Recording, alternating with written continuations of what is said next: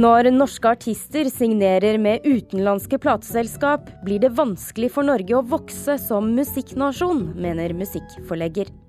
Norsklærere vil ha mer skam, blogging og selfies inn på timeplanen. Og den eneste norske barnefilmen basert på et originalmanus i år, åpner i dag Nordens største barne- og ungdomsfilmfestival i Malmö. Dette er Kulturnytt. Jeg heter Stine Tråholt. Velkommen skal du være.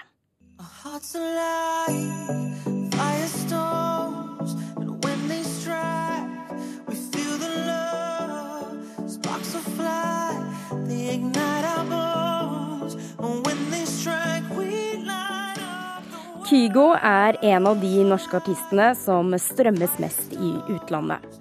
Og han har, som så mange av de andre norske artistene som har slått igjennom internasjonalt de siste årene, valgt å signere med et utenlandsk plateselskap. Men denne utviklingen har også en bakside, mener musikkforlegger Jørn Dalshow. For når inntektene forsvinner ut av landet, så blir det også vanskeligere for Norge å vokse som musikknasjon. Du har mange dyktige norske låtskrivere og mange dyktige norske artister som nå de senere årene har gjort stor suksess i utlandet. Eh, men mange av de har dessverre helt eller delvis lagt sine rettigheter til selskaper som ikke er norske, i andre land. Det sier Jørn Dahlshow, daglig leder i plateselskapet Da Works.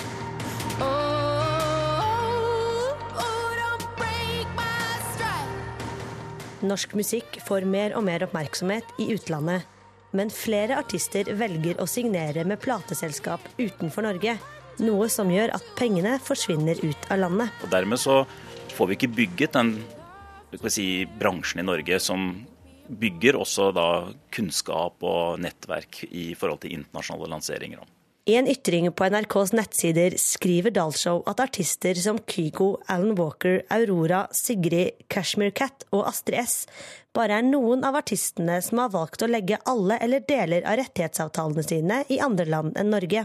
Og som en løsning på dette problemet ønsker Dalshow at bankene kommer på banen. For å låne ut penger eller på andre, annen måte gi noen form for garantier til de musikkforlagene og de plateselskapene som ønsker å være inne Eh, å konkurrere om å få de attraktive navnene lagt til eh, Norge. Altså få kontraktene deres lagt til Norge.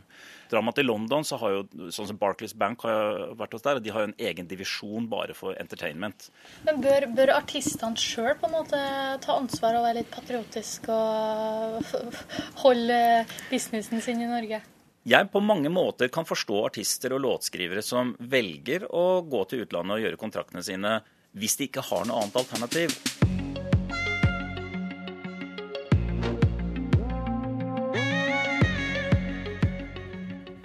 Altså, det har jo foregått en veldig stor profesjonalisering i norsk musikkbransje de siste fem åra. Sier Katrine Synnes Finnskog, direktør i Music Norway. Det er jo en kombinasjon av at norsk musikkbransje har blitt eh, bedre og større og sterkere. Men det er selvfølgelig også med å gjøre at vi har hatt flere kommersielle artister som er slått gjennom ute. Eh, og da blir man også mer oppdaga kanskje som en leverandør av eh, artisttalent. Derfor er det haster med å bygge opp en forlagsbransje som kan ivareta og forvalte norske talent herfra.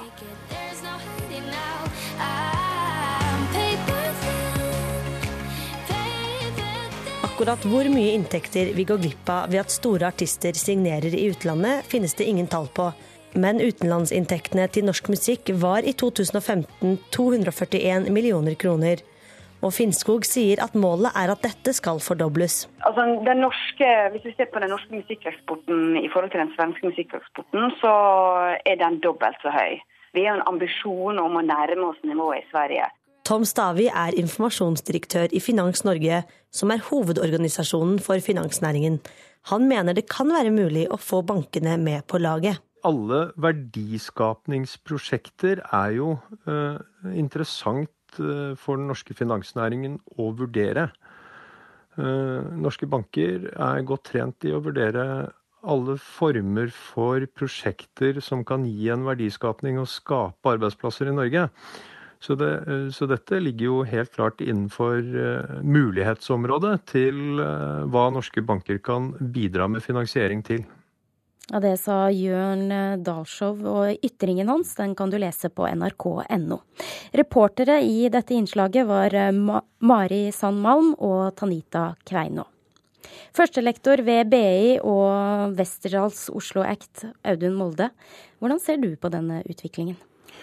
Det har vært en, som Katrine Synnes Finnskog sier, en voldsom internasjonalisering av norsk musikkbransje de siste fem-seks årene i hvert fall. Og det har kommet til syne hos artistene og låtskriverne og produsentene ikke minst. Mens mange av mellomleddene, altså formidlingsleddene i verdikjeden, opplever nå at de henger igjen. Og, og, det er det vi nå ser, at man spør hvorfor har alle disse kontrakter i utlandet og ikke i Norge. Og så kan man da kanskje si at uh, det er jo ikke uvanlig eller unaturlig at norske yrkesutøvere er tilknytta samarbeidspartnere og uh, forretningspartnere i andre land enn Norge. Vi har jo et internasjonalt uh, musikkmarked og arbeidsmarked generelt. Men det er klart at for aktørene sin side så er det jo ønskelig at mer av dette er på norske hender. Men er det artistenes skyld, dette her? Ja, det, det, er, det, er, ikke noe skyld. altså Artistene har jo æren for at uh, dette her er blitt internasjonalisert så mye som det har. Uh, og, og låtskrivende produsentene, ikke minst. Det er uh, som sagt av mellomleddene i bransjen som, som nå opplever at de henger litt etter. Og det har nok med å vise at man er konkurransedyktig. Altså Artister, låtskrivere, vil jo inngå avtaler med de som de mener kan gjøre den beste jobben for å forvalte deres talent og karriere. Om det da er et norsk selskap, eller et tysk, eller et britisk, eller et amerikansk eller et japansk. Eh, det kan i vårt internasjonale marked variere. Men norske selskaper har en utfordring med å vise at de er konkurransedyktige, at de har kompetanse, at de kan utvikle og ivareta karrierer, at de har et internasjonalt nettverk, og ikke minst at de kan stå for finansiering, som jo er hovedpoenget da i, i Jørn Dahlsjov eh, sin kronikk. Og det syns jeg at han har et veldig godt poeng i. Ja, og hva, hva ser du som en løsning på dette? Nei, Det er ikke en enkel løsning på det, og det må jo bransjen, eh, altså aktørene selv finne ut av. Eh, og behovene er litt ulike, og det er ikke alt som er helt svart heller.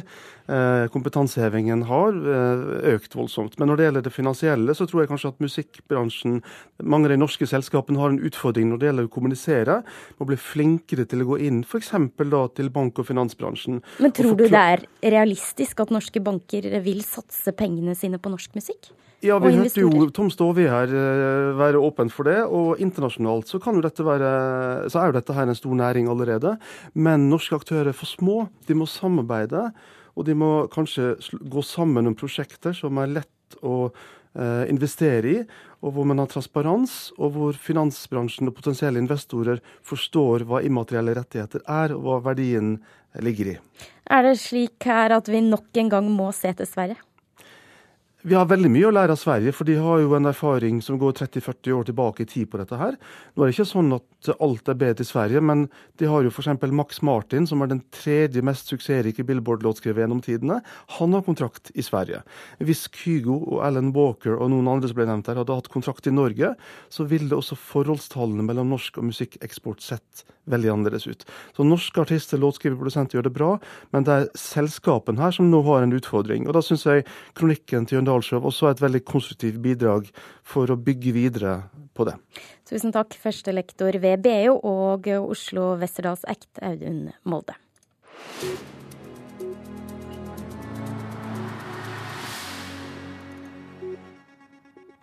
I morgen skal kulturministeren og filmbransjen diskutere hvordan film skal finansieres i framtiden. Og Filminstituttet de mener at flere må bidra, reporter Espen Alnes.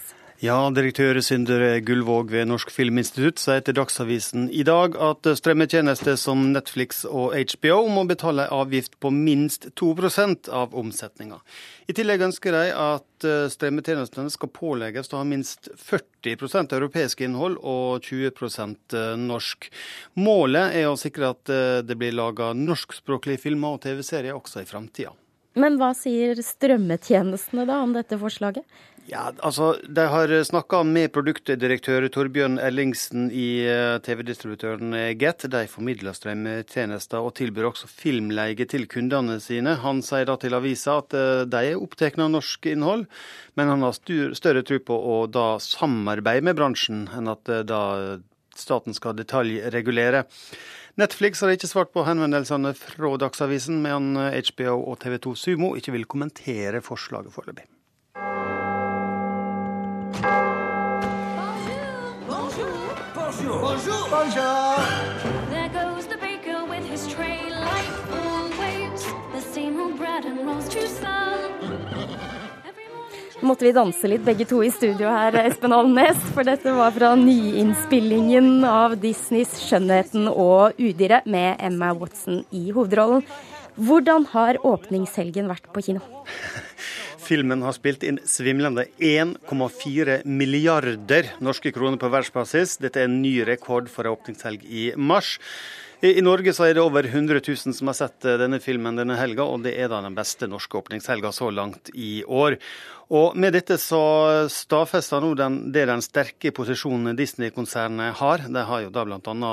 animasjonsstudioet Pixar, superheltuniverset Marvel og Lucasfilm med Star Wars-universet i sin portefølje, så det går ganske bra med Disney for tida. Takk, reporter Espen Alnes.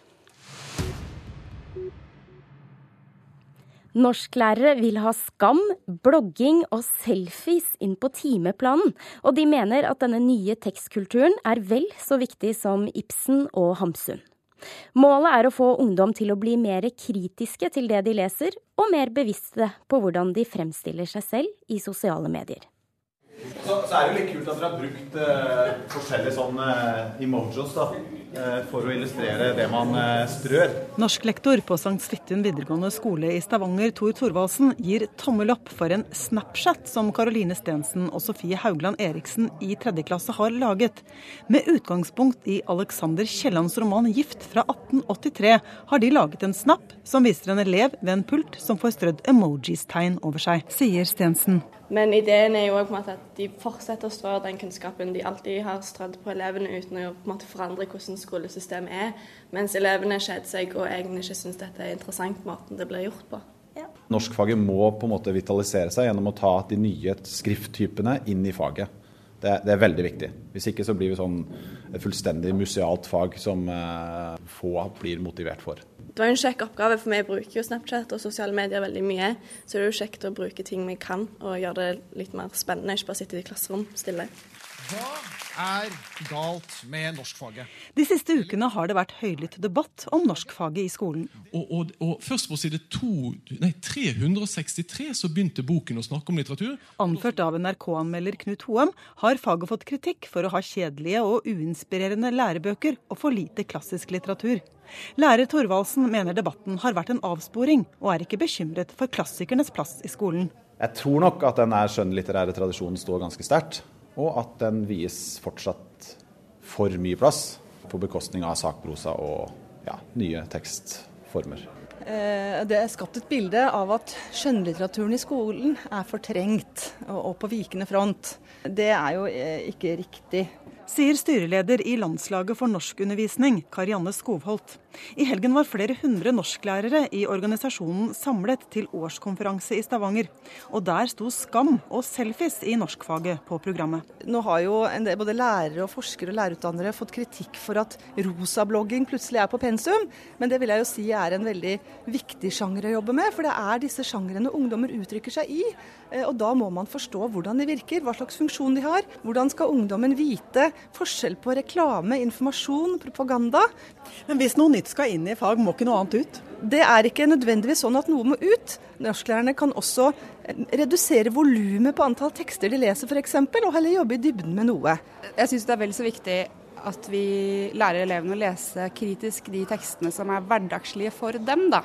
Fordi de har jo veldig god digital kompetanse, men de er kanskje ikke så eh, vant til å kunne lese disse tekstene analytisk og kritisk. Sier Linda Undrum, norsklektor som har analysert 100 selfies på Instagram. Aldri før har norsk ungdom lest så mye tekst og informasjon. Aldri før har de skrevet så mye i full offentlighet. Og det må gjenspeiles i skolen, sier Undrum. Og Funnet mitt var jo det at det å legge ut en selfie på Instagram er jo mer enn å legge ut et bilde. Det er også en måte å kommunisere på, og en måte å danne relasjoner på. Og et middel til selvfremstilling og identitetsbygging. Og det er jo viktig i norsk, som er et identitetsfag.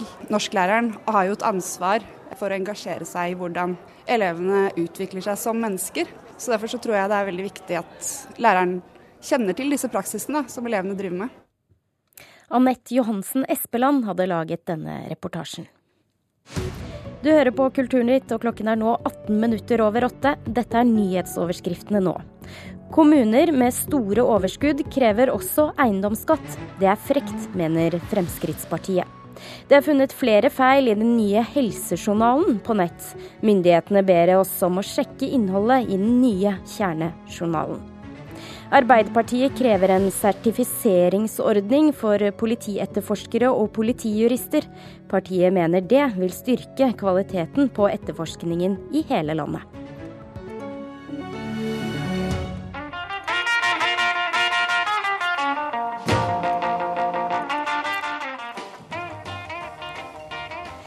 Musikkverden har i hele helgen sørget over tapet av en av rockens største, og kanskje det også den aller første. Chuck Berry ble 90 år. Bruce Springsteen, Paul McCartney og Bob Dylan, ja listen bare fortsetter og fortsetter over store artister som har hyllet legenden i helgen.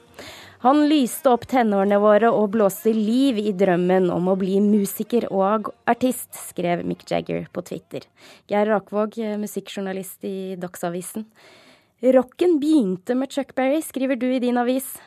Hva var det han egentlig gjorde?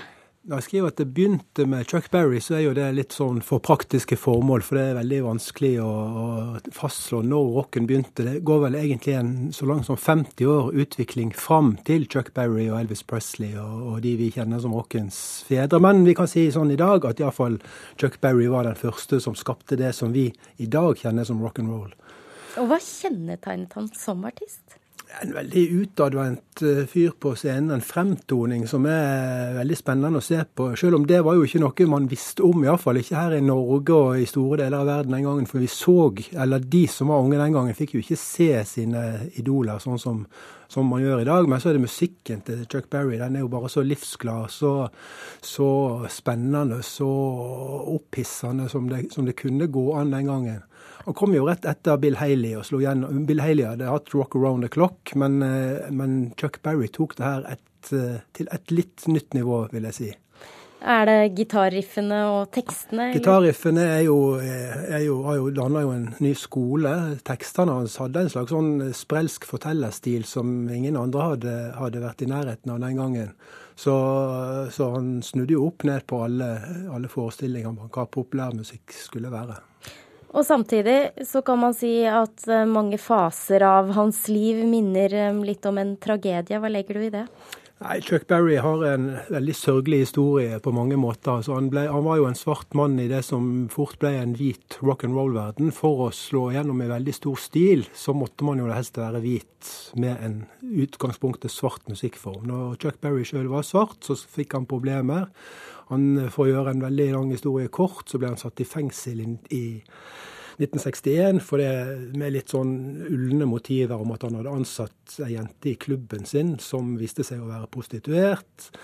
Han hadde vel kanskje ikke så mye skyld i saken sjøl, men det var veldig mange som var ute etter han, og han ble satt i fengsel. Og Dermed satt han i fengsel i et par viktige år i det som skulle blitt en strålende karriere. Og i mellomtida så kom grupper i Europa som Beatles, Rolling Stones. De spilte jo sangene hans opp og ned. og fikk store hits med de samme sangene. Og når Chuck Berry kom ut igjen, så var det andre som hadde tatt over hans, hans område. Og Den typen eh, historier der har, har hjemsøkt Chuck Berry, og han har nok ikke vært mors beste barn i, i resten av livet, men eh, mye av det Preget det også han som person? Ja, har, det finnes jo mange røverhistorier om Chuck Berry. Noen av de er veldig stygge, og noen av de kan ikke unnskyldes med hans eh, bakgrunn. Men andre ting, sånn som det der at han har foretrukket å dra rundt og spille med band, lokale band, ta så mye penger som han kan få, i cash, stikke det i lomma og stikke av, det er nok litt prega av dårlige erfaringer med musikkbransjen helt fra begynnelsen. Og så har han faktisk et nytt album eh, på vei, hans første på 38 år. Det er ventet å komme ut senere i år. Eh, ja. Hva forventer du av det? Det er veldig vanskelig å si. Altså, det, sånn Erfaringsmessig så vil ikke det være veldig spennende. Høystrand hadde hatt mye å komme med, så hadde han nok gjort det før eh, i stedet for å vente i, i 38 år. Så, så vi får se. Vi, skal, vi kan håpe på det beste.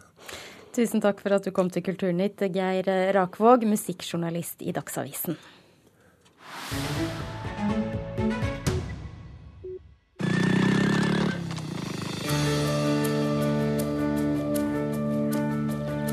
Er? Jeg er bare på besøk. Hvor lenge skal du være her? Til mammaen min kommer hjem fra Amerika. Jeg skal fære dit på jobbintervju. Jeg tenkte du kunne være som bestefar i sommer. Amerika. Ja, det blir vel trivelig. Og da skal kan jo hjelpe deg med litt forskjellige ting i mellomtida. Du setter opp tempoet, så får du finne veien hjem sjøl. Ja, dette var fra filmen eh, Oscars Amerika. I dag så starter det som er Nordens største barne- og ungdomsfilmfestival i Malmö. Og åpningsfilmen, det er nettopp denne Oscars Amerika. Og i tillegg til at den åpner denne festivalen, så er den nominert til to priser. Og hovedrolleinnehaver Odin Eikre, han er allerede hedret med utmerkelsen Nordic Star. Velkommen til Kulturnytt, Odin Eikre og regissør Torfinn Iversen. Takk. Tusen takk. Odin Eikre, du er allerede på plass i Malmö, du. Og med oss derfra, gratulerer med denne utmerkelsen Nordic Star. Hvordan blir man egentlig tatt imot som en nordisk stjerne i Malmö? Um, det var ikke så eh, De har ikke reagert så på det nå, men jeg gleder meg i hvert fall til premieren. Odin Eikre, kan du fortelle litt oss om denne filmen du spiller hovedrollen i? Eh, Det var veldig vanskelig å Det er en film som Det er mange, mange følelser samtidig. Og eh, det er en film som eh, handler om at man har drømmer som man ikke helt får Ja, eller liksom Man får ikke lov til de drømmene man har. Torfinn Iversen, hvordan vil du beskrive denne filmen som du både har eh, manus og regi på? Ja, det er jo en eh, film som eh, har jobba med i ganske mange år, fem-seks år, eh, manuset. Som er utgangspunkt i en kortfilm som heter 'Levis hest'. Eh, så det er jo en originalskreven barnefilm, da, som ikke er basert på eksisterende materiale. Så helt kort så handler det om Oskar som eh, skal være hos bestefaren sin, Bjørn Sundquist, om sommeren. Mens mora drar til Amerika. Og der møter han i skogen en mann som bor sammen med nærsynte hesten sin. Og han er en etterkommer av en kjent atlanterhavsroer som rodde fra Amerika til Norge i 1896. Og ved hjelp av den båten så skal de ta samme reisen. De skal ro til Amerika med den hesten om bord. Helt kort. Og så har eh, Odin Eikre altså Rede, som jeg har nevnt her, fått mye oppmerksomhet. Hvordan vil du beskrive hans prestasjoner? Det har vært en eh, helt fantastisk opplevelse å jobbe med Odin på den filmen her. Og han har virkelig prestert og jobba så hardt for det, der han er i dag. Så det blir veldig spennende nå når filmen skal ut på kino, og vi skal få tilbakemeldinger på, på nå. Odin, smiler du der borte i Malmö nå når du hører dette? Ja, selvfølgelig.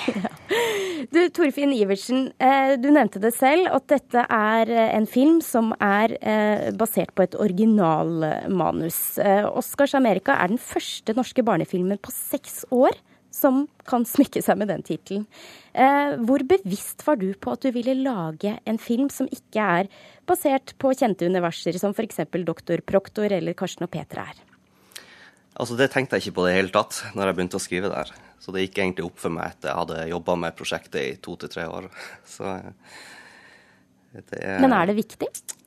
Ja, det vil jeg si. Jeg føler at vi, det er fint at vi har variasjon. At vi har både originalskrevne filmer og ting som er basert på kjente og kjære. Altså. Så, men det er klart det er en stor økonomisk risiko for produsentene å satse på originalskrevne ting som ikke er merkevarer. Ja, Har du inntrykk av at det har vært vanskeligere og mer omfattende for deg å få laget en film nettopp pga. dette? Det kan nok hende, særlig i forhold til distribusjon og de tingene her, så har det selvfølgelig vært utfordrende. Men eh, Mona Steffensen, produsenten vår, har jo virkelig stått på og jobba for det.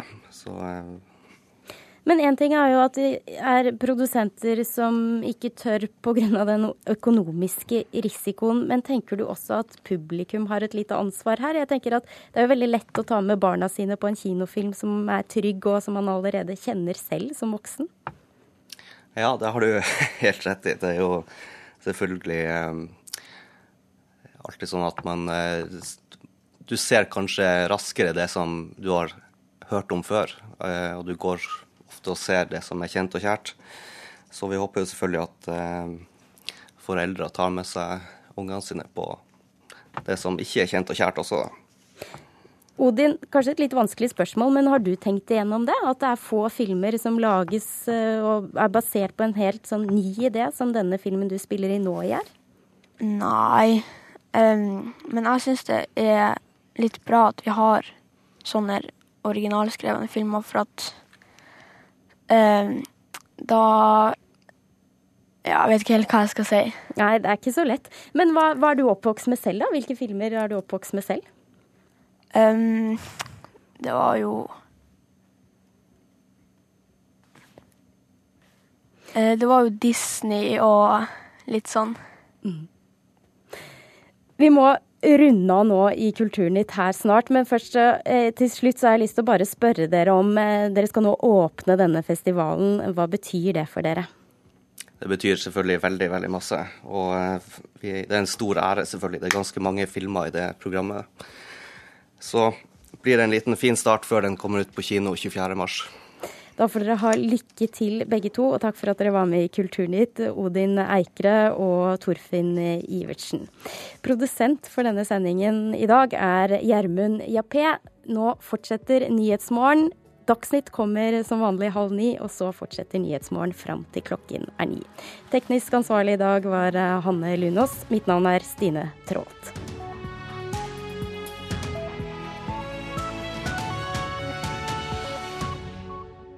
Hør flere podkaster på nrk.no podkast.